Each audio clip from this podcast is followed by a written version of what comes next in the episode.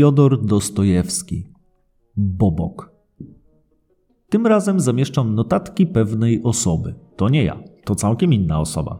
Myślę, że nie trzeba więcej żadnej przedmowy. Notatki pewnej osoby. Siemion Ardalinowicz mówił do mnie akurat onegdaj. Mów, Iwanie Iwanowiczu, na miłość boską, będziesz ty kiedyś trzeźwy? Dziwne żądanie. Ja się nie obrażam, skromny ze mnie człowiek, ale cóż, zrobili ze mnie wariata. Kiedyś przypadkiem jeden malarz wziął mnie za modela. Bądź co bądź powiada, jesteś literat. Zgodziłem się, no, no, no, a on to wystawił, no i potem czytam. Idźcie popatrzeć na to chorobliwe, bliskie obłędu indywiduum. Trudno. Niech będzie, ale pytam, jakże tak, mimo wszystko, tak od razu? W gazecie? W prasie mimo wszystko powinno być szlachetne, ideałów potrzeba, a to... Na to przecież ma styl, żeby powiedzieć jakoś nie wprost. Ale nie, on już nie chce nie wprost. Dziś humor i dobry styl zniżają i zamiast dowcipu miota się różne obelgi. Ja się nie obrażam, nie jestem Bóg wie jaki literat, żeby zwariować. Napisałem opowiadanie, to nie wydrukowali. Napisałem felieton, nie przyjęli. Tych felietonów mnóstwo po różnych redakcjach nosiłem. Wszędzie odrzucali. Soli, powiadają panu, brak. Jakiej wam soli potrzeba, pytam kpiąco, a tyckiej? Nawet nie zrozumieli. Teraz przeważnie tłumaczę dla wydawców z francuskiego. Piszę też anonsy dla kupców. Fenomen, delicje, wyśmienita herbata z własnych plantacji. Za panegiryk dla jego ekscelencji świętej pamięci Piotra Madwiejewicza ładną sumkę zainkasowałem. Sztukę podobania się paniom ułożyłem na zamówienie księgarza, a takich książeczek ze sześć sztuk wydałem w swoim byciu. Chcę zebrać powiedzonka Voltera, ale obawiam się, że u nas może się to wydać proste. Ba, jaki tam dzisiaj Wolter? Dziś kij sękaty w modzie, nie Wolter. Resztki zębów sobie powybijali. No, i to już cała moja twórczość literacka. Chyba jeszcze to dodać by można, że wciąż bezinteresownie listy po redakcjach rozsyłam, podpisane pełnym moim nazwiskiem. Pouczam, udzielam przestróg, krytykuję i wskazuję drogę. Do jednej redakcji w zeszłym tygodniu 40 z kolei list w ciągu dwóch lat wysłałem. Same znaczki kosztowały mnie 4 ruble. Paskudny mam charakter, w tym rzecz. Myślę, że malarz sportretował mnie nie dla literatury, tylko dla moich dwóch symetrycznych brodawek na czole. Że niby fenomen. Idei teraz brak, no to uzięli się na fenomeny. Udały mu się te moje brodawki, jak żywe. Oni to nazywają realizmem. A co do wariactwa, to u nas z zeszłego roku nie jeden trafił do czubków. I to w jakim stylu o tym pisano? Taki samorodny talent. I co się w końcu okazało? E, zresztą dawno już było do przewidzenia. To jeszcze nawet dość zmyślne, także z punktu widzenia czystej sztuki można by nawet pochwalić. A nuż tam ci okażą się po powrocie jeszcze mądrzejsi? Tak, tak, zrobić z kogoś idiotę to u nas potrafią, ale mądrzejszym jeszcze nikogo nie zrobili.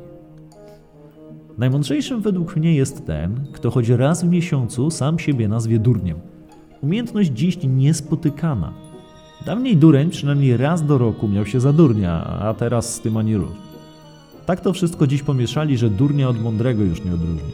Naumyślnie tak zrobili. Przypomniało mi się pewne hiszpańskie powiedzonko, kiedy Francuzi dwa wieki temu zbudowali u siebie pierwszy dom wariatów. Zamknęli wszystkich swoich durniów w osobnym domu, żeby dowieść, że sami są mądrymi ludźmi. Faktycznie, tym, że zamkniesz drugiego u czubków, nie dowiedziesz swego rozumu. K zwariował. To znaczy, że my teraz mądrzy jesteśmy. Nie, wcale jeszcze nie znaczy. Zresztą są diabła, po co się o tym rozgadałem?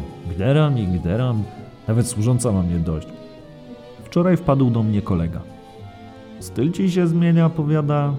Takie ta wszystko posiekane. Posiekasz, posiekasz, zdanie wtrącisz, potem do tego wtrąconego jeszcze jedno, potem jeszcze coś wstawisz w nawiasach i znów dalej. Siekasz, siekasz. Ach, kolega ma rację.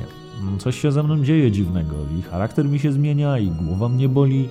Zaczynam widzieć i słyszeć dziwne rzeczy. Nawet nie głosy, lecz tak jakby ktoś koło mnie szemrał. Bobok. Co znowu za bobok? Rozrywki mi trzeba. Chciałem się rozerwać. trafiłem na pogrzeb. Mój daleki krewny, nawet radca kolegialny. Żona, pięć córek, wszystkie niezamężne. Ileż to same trzewiki muszą kosztować. Nieboszczyk jakoś sobie radził, no a tu masz, wdowia pensyjka. Spuszczam stonu. Zawsze mnie przyjmowali niegościnnie.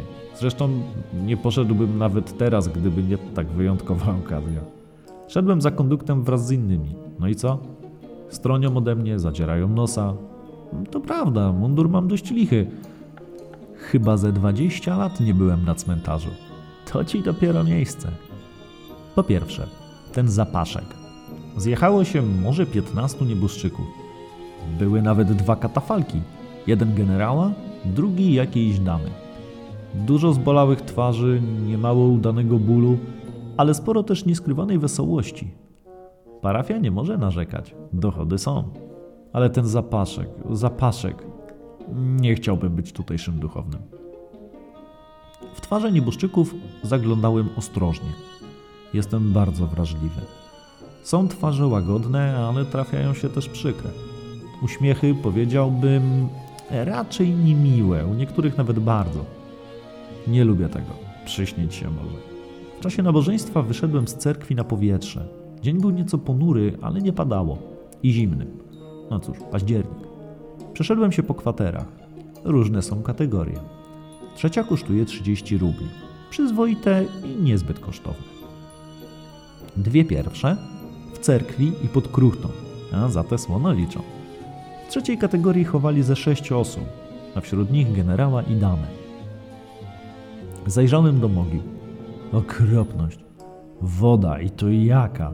Zupełnie zielona i zresztą mniejsza z tym. Grabarz co chwila usuwał ją czerpakiem. Pójdę, pomyślałem sobie, póki trwa nabożeństwo, przejście trochę za bramę. Tam zaraz jest przytułek dla starców. Trochę dalej knajpa. Nawet całkiem niezła knajpka. Zakąsić można i tak dalej. Pełno tam było uczestników pogrzebu. Dużo zauważyłem wesołości i szczerego ożywienia.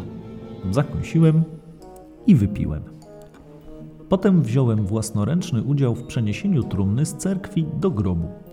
Dlaczego nieboszczycy w trumnie robią się tacy ciężcy? Podobno z powodu jakiejś inercji, że niby ciało nie podlega już władzy swego pana, czy inna bzdura w tym rodzaju, sprzeczna z mechaniką i zdrowym rozsądkiem. Nie lubię, kiedy ludzie mający tylko średnie wykształcenie pchają się do rozwiązywania zagadnień specjalnych. U nas to jest na porządku dziennym. Cywile wygłaszają sądy o sprawach wojskowych, nawet na szczeblu marszałka, a ludzie z dyplomem inżynierskim zabierają głos w kwestiach filozoficznych i ekonomicznych. Na stypę pojechałem. Mam swoją ambicję. Jeśli przyjmują mnie tylko w ostateczności, po co będę łaził na ich przyjęcia, nawet z okazji pogrzebu?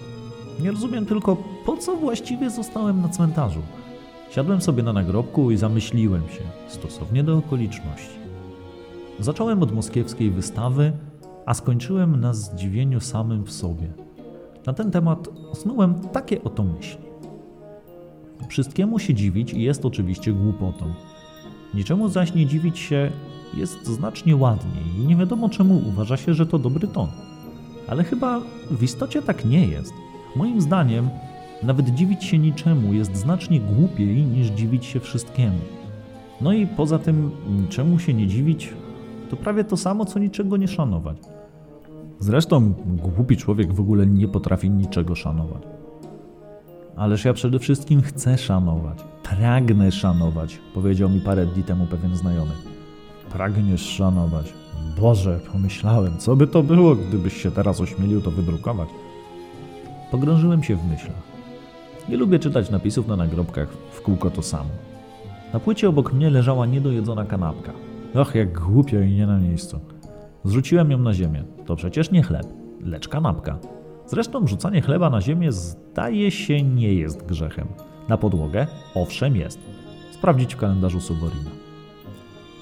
Przypuszczalnie siedziałem tam długo, nawet za długo.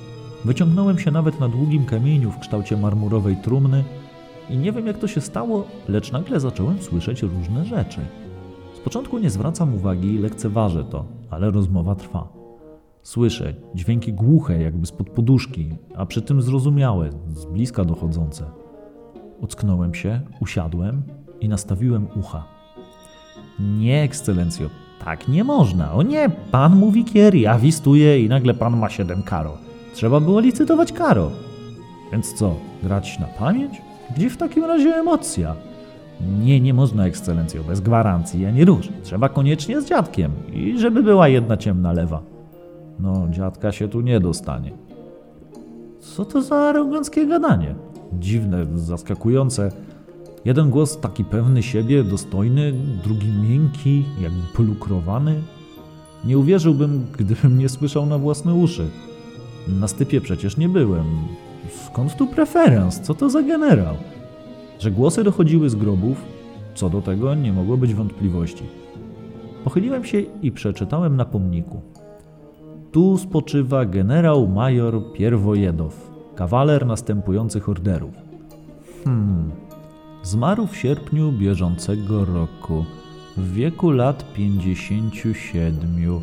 Spoczywajcie, drogie prochy, do radosnego świtu. Hmm, do diabła, faktycznie generał. Na drugim grobie, skąd dochodził uniżony głos, jeszcze nie było pomnika, tylko płyta, a widocznie ktoś nowy. Sądząc z głosu, radca dworu. Ojej, rozległ się zupełnie inny głos z odległości mniej więcej pięciu sążni od miejsca generała, spod całkiem świeżej mogiły. Głos męski, należący wyraźnie do człowieka z gminu, ale złagodzony nabożnym rozrzewieniem. Ojej, Ach, on znowu czka, odezwał się wyniosły, pełen niechęci głos zirytowanej damy, zapewne z wyższych sfer. Skaranie boskie tym sklepikarzem, że też ja muszę leżeć akurat obok niego. Ależ ja wcale nie czkałem, na czczo przecie jestem, taka już moja natura. A pani dobrodziejka wciąż grymasi, nie może się odzwyczaić. A po coś się tutaj położył? Położyli mnie, paniusieczko, małżonka i drobne dziadki. Nie sam tu ległem. Zagadka śmierci, dobrodziejko. Sam bym się za nic nie położył koło pani, za skarby świata. A jeśli leżę, to stosownie do swego majątku, sądząc z taksy. Na to bowiem nas zawsze stać, żeby na zagrób nasz wedle trzeciej kategorii zapłacić. Ucięłałeś sobie, ludzi oszukiwałeś. Jak panią mogłem oszukać, jeśli prawie od stycznia ani grosika nie uiściłaś? Rachuneczek czeka na panią w sklepie. Co za głupota! Tu moim zdaniem głupio jest dochodzić swych należności. Proszę iść na górę, upomnieć się u siostrzenicy. Ona po mnie dziedziczy. Gdzieżbym się teraz upominał? Gdzieżbym tam chodził? Oboje osiągnęliśmy kres i przed sądem Bożym równiśmy w grzechach. Równiśmy w grzechach! pogardliwie przedrześniała nieboszczka. Proszę się w ogóle do mnie nie odzywać. Ej, Ciekawe, ekscelencjo, jednak sklepikarz liczy się z dziedziczką. A ja myślę, że się liczy. Cóż w tym dziwnego. Ależ ekscelencjo, tutaj jest całkiem inny porządek. Co tam za inny porządek? Przecież my, że się tak wyrażę, umarliśmy, ekscelencjo.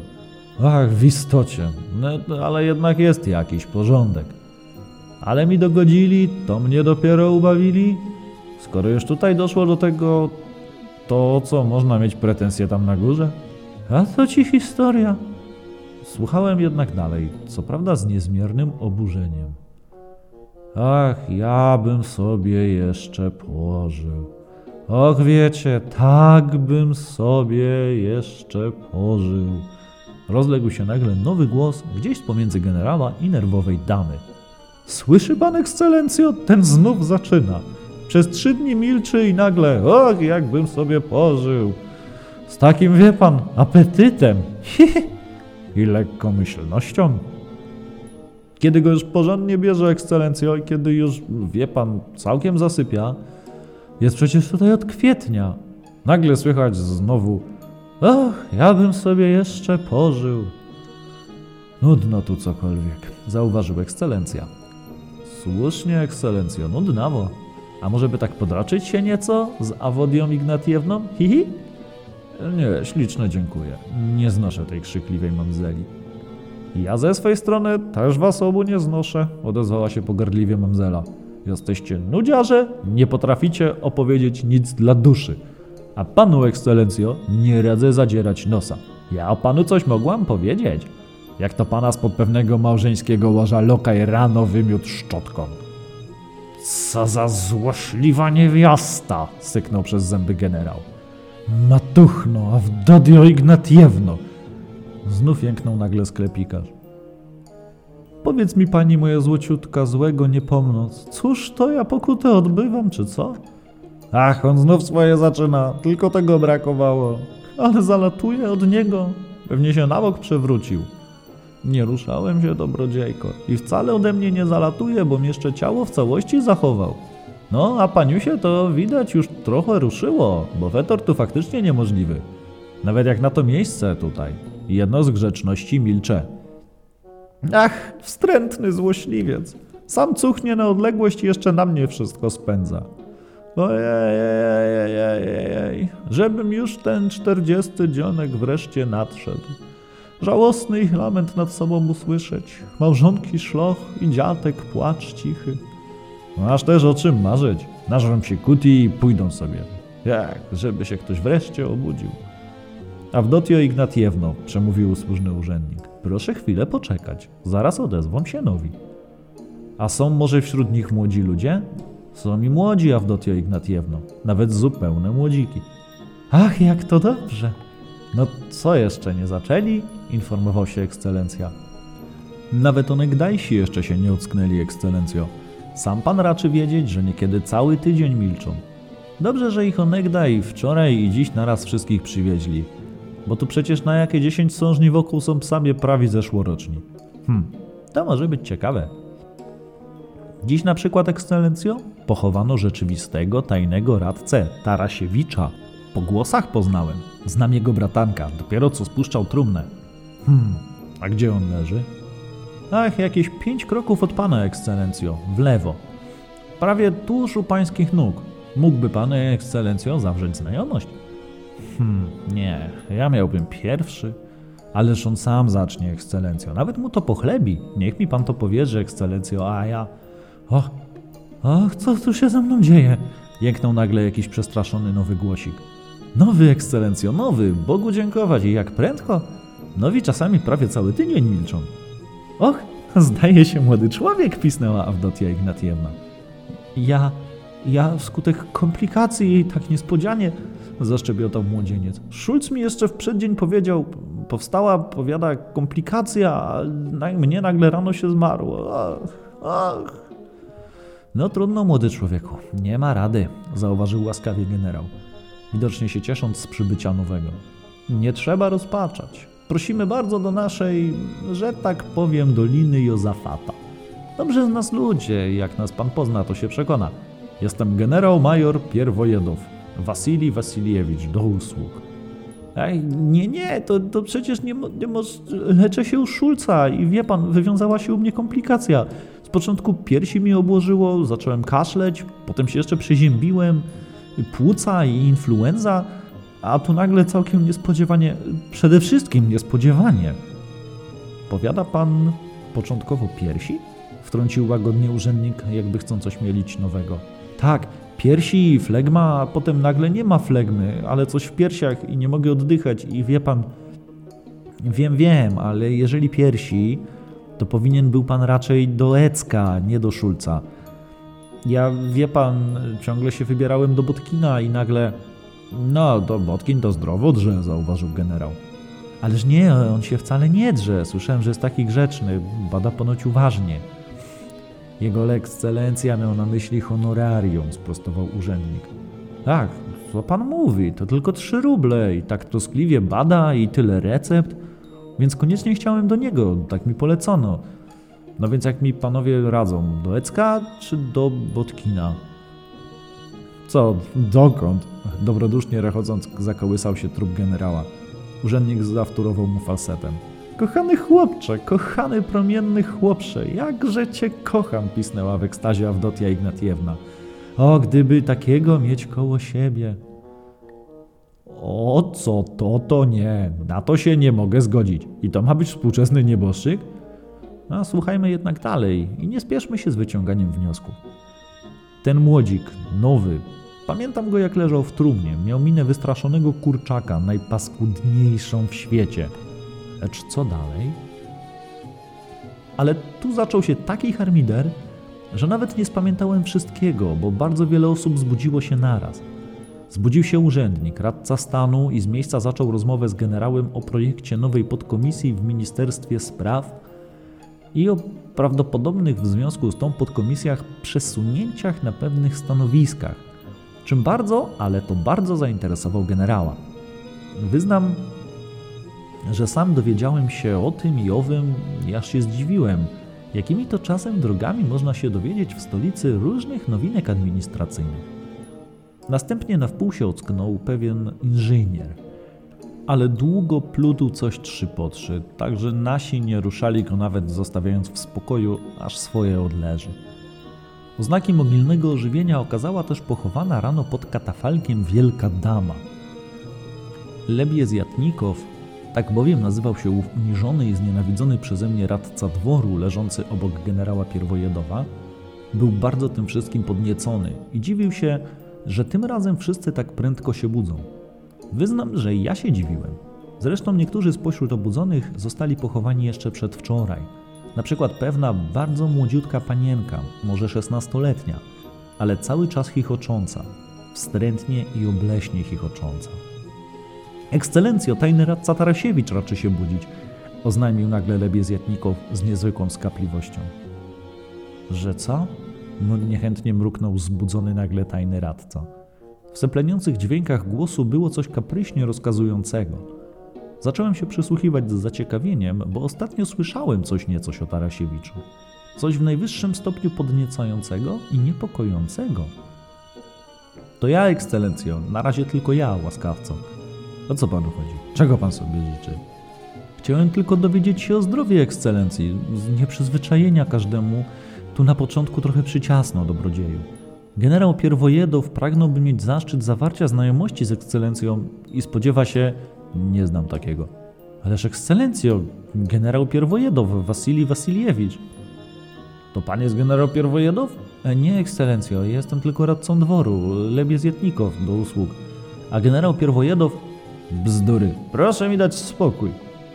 No daj pan spokój, powściągnął wreszcie z godnością sam generał służalczą skwapliwość swojego mogilnego fagasa. Nie raczył się jeszcze obudzić, ekscelencjo. To trzeba to mieć na względzie. To z nieprzyzwyczajenia. Jak się raczy zbudzić, wtedy inaczej zareaguje. Dajże pan spokój, powtórzył generał.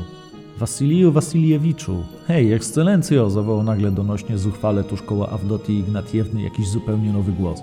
Głos pański i arogancki z modnie niedbałą dykcją i natrętnie skandujący. Ja was wszystkich obserwuję już od dwóch godzin. Leżę tu przecież trzy dni. Czy pan mnie sobie przypomina, Wasiliju Wasiliewiczu? Kliniewicz jestem, spotkaliśmy się u Wołokońskich, dokąd pana też nie wiadomo czemu wpuszczano. Czyżby hrabia Piotr Pietrowicz?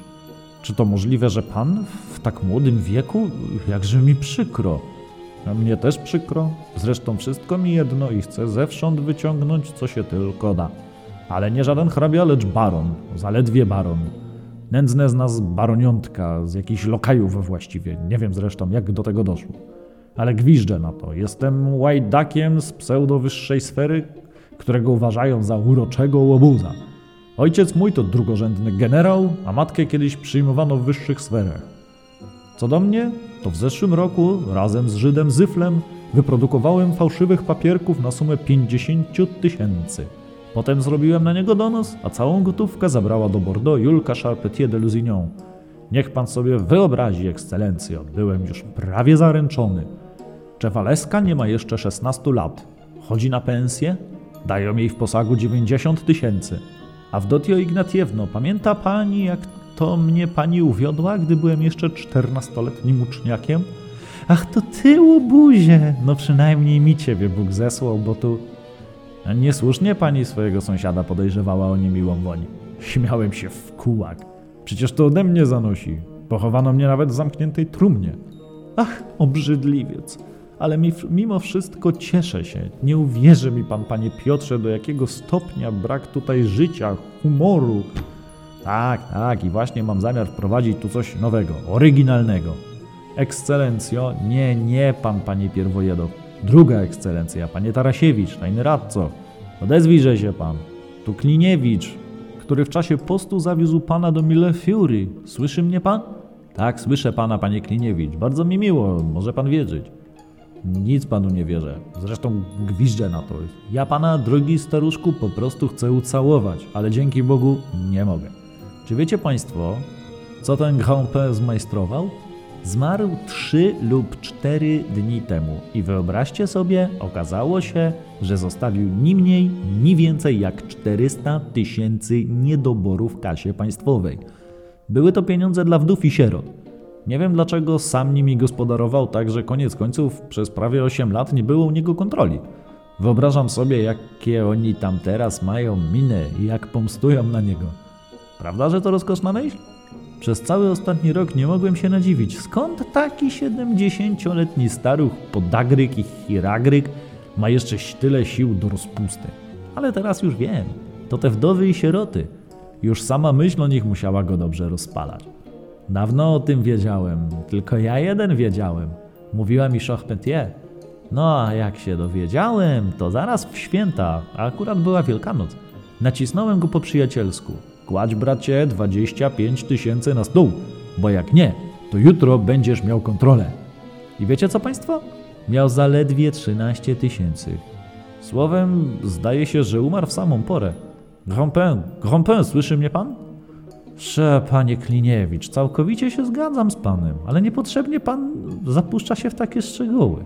Tyle jest w życiu cierpień, udręczeń i tak mało satysfakcji. Zapragnąłem wreszcie odpocząć.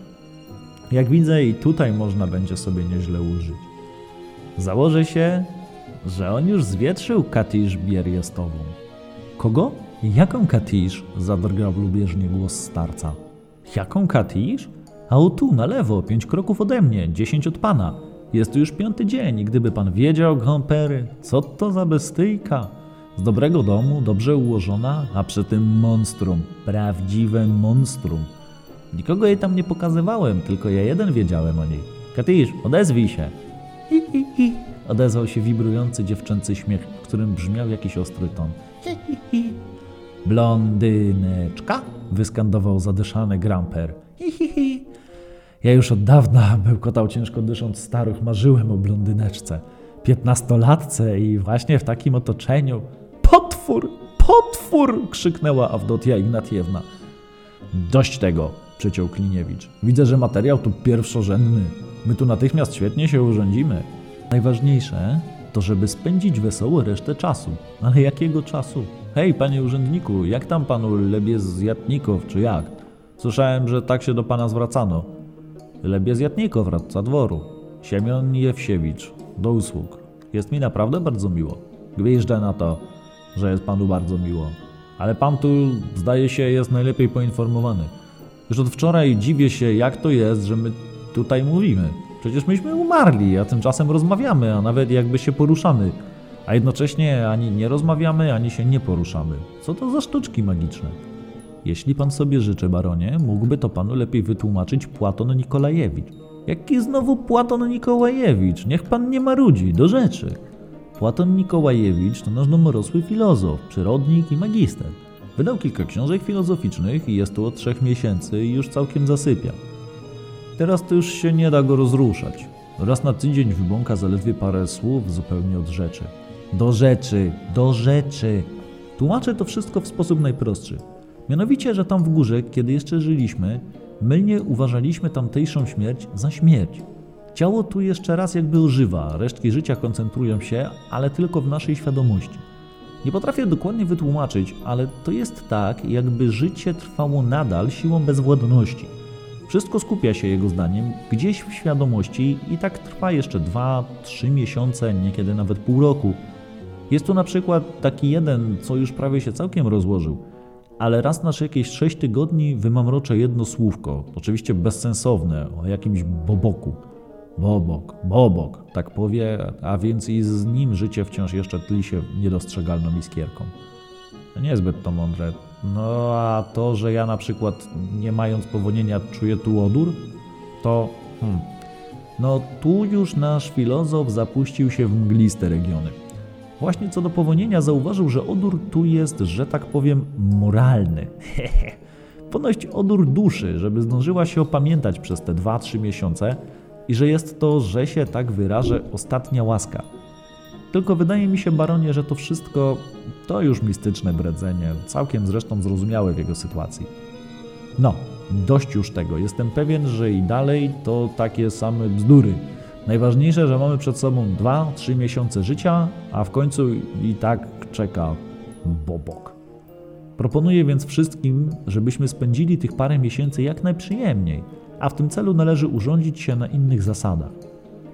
Proszę Państwa, proponuję, żebyśmy się niczego nie krępowali. Ach tak, tak, nie krępujmy się niczego, rozległo się naraz wiele głosów. I rzecz dziwna, były wśród nich nawet zupełnie nowe głosy. To jest głosy tych, co obudzili się w międzyczasie. Ze szczególną skwapliwością huknął basem swoją aprobatę całkiem już przytomny inżynier. Dziewczątko Katisz zachichotało radośnie. Ach, jakże pragnę niczego się nie krępować, zawołała w upojeniu Awdotia Ignatiewna. Słyszycie Państwo? Jeśli już Awdotia Ignatiewna pragnie odrzucić wszelkie skrępowanie, ależ nie, Panie Piotrze, ja się tam krępowałam mimo wszystko, ale tu okropnie pragnę odrzucić wszelkie więzy. O ile rozumiem, Panie Kliniewicz, huknął inżynier, proponuje Pan, żeby urządzić tutejsze, że tak się wyrażę, życie na nowych, tym razem rozsądnych zasadach. Na to ja sobie gwiżdżę. Z tym poczekamy na Kudajerowa. Wczoraj go przywieźli. Jak się zbudzi, to wam wszystko wytłumaczy. To taka postać, taka kolosalna postać. Jutro chyba przytaszczą tu jeszcze pewnego przyrodnika, pewnego oficera na pewno i o ile się nie mylę, za jakieś 3-4 dni pewnego felietonistę, chyba razem z redaktorem. Zresztą do diabła z nimi, ale rzecz w tym, że zbierze się nas spora gromadka i wszystko się jakoś ułoży. Ale tymczasem chcę jednego, żeby nie kłamać. To najważniejsze. Żyć na ziemi i nie kłamać niepodobna, gdyż życie i kłamstwo to synonimy. No a tu dla zabawy nie będziemy kłamali. Co u diabła, jesteśmy w grobie czy nie? Będziemy wszyscy na głos opowiadać swoje historie bez żadnego skrępowania. Ja pierwszy zacznę. Wiecie Państwo, należę do ludzi zmysłowych. Tam na górze to wszystko było związane z parciołymi sznurkami. Precz ze sznurkami. Spędźmy te parę miesięcy w najbezwstydniejszej szczerości. Obnaszmy się całkowicie. Ach, obnaszmy się, obnaszmy się, zawołały wszystkie głosy naraz. Ach, jak mi się strasznie chce obnażyć, zawtórował głos Awdoti Ignatiewny. Och, och, widzę, że będzie tutaj wesoło. Ja nie chcę do Ecka.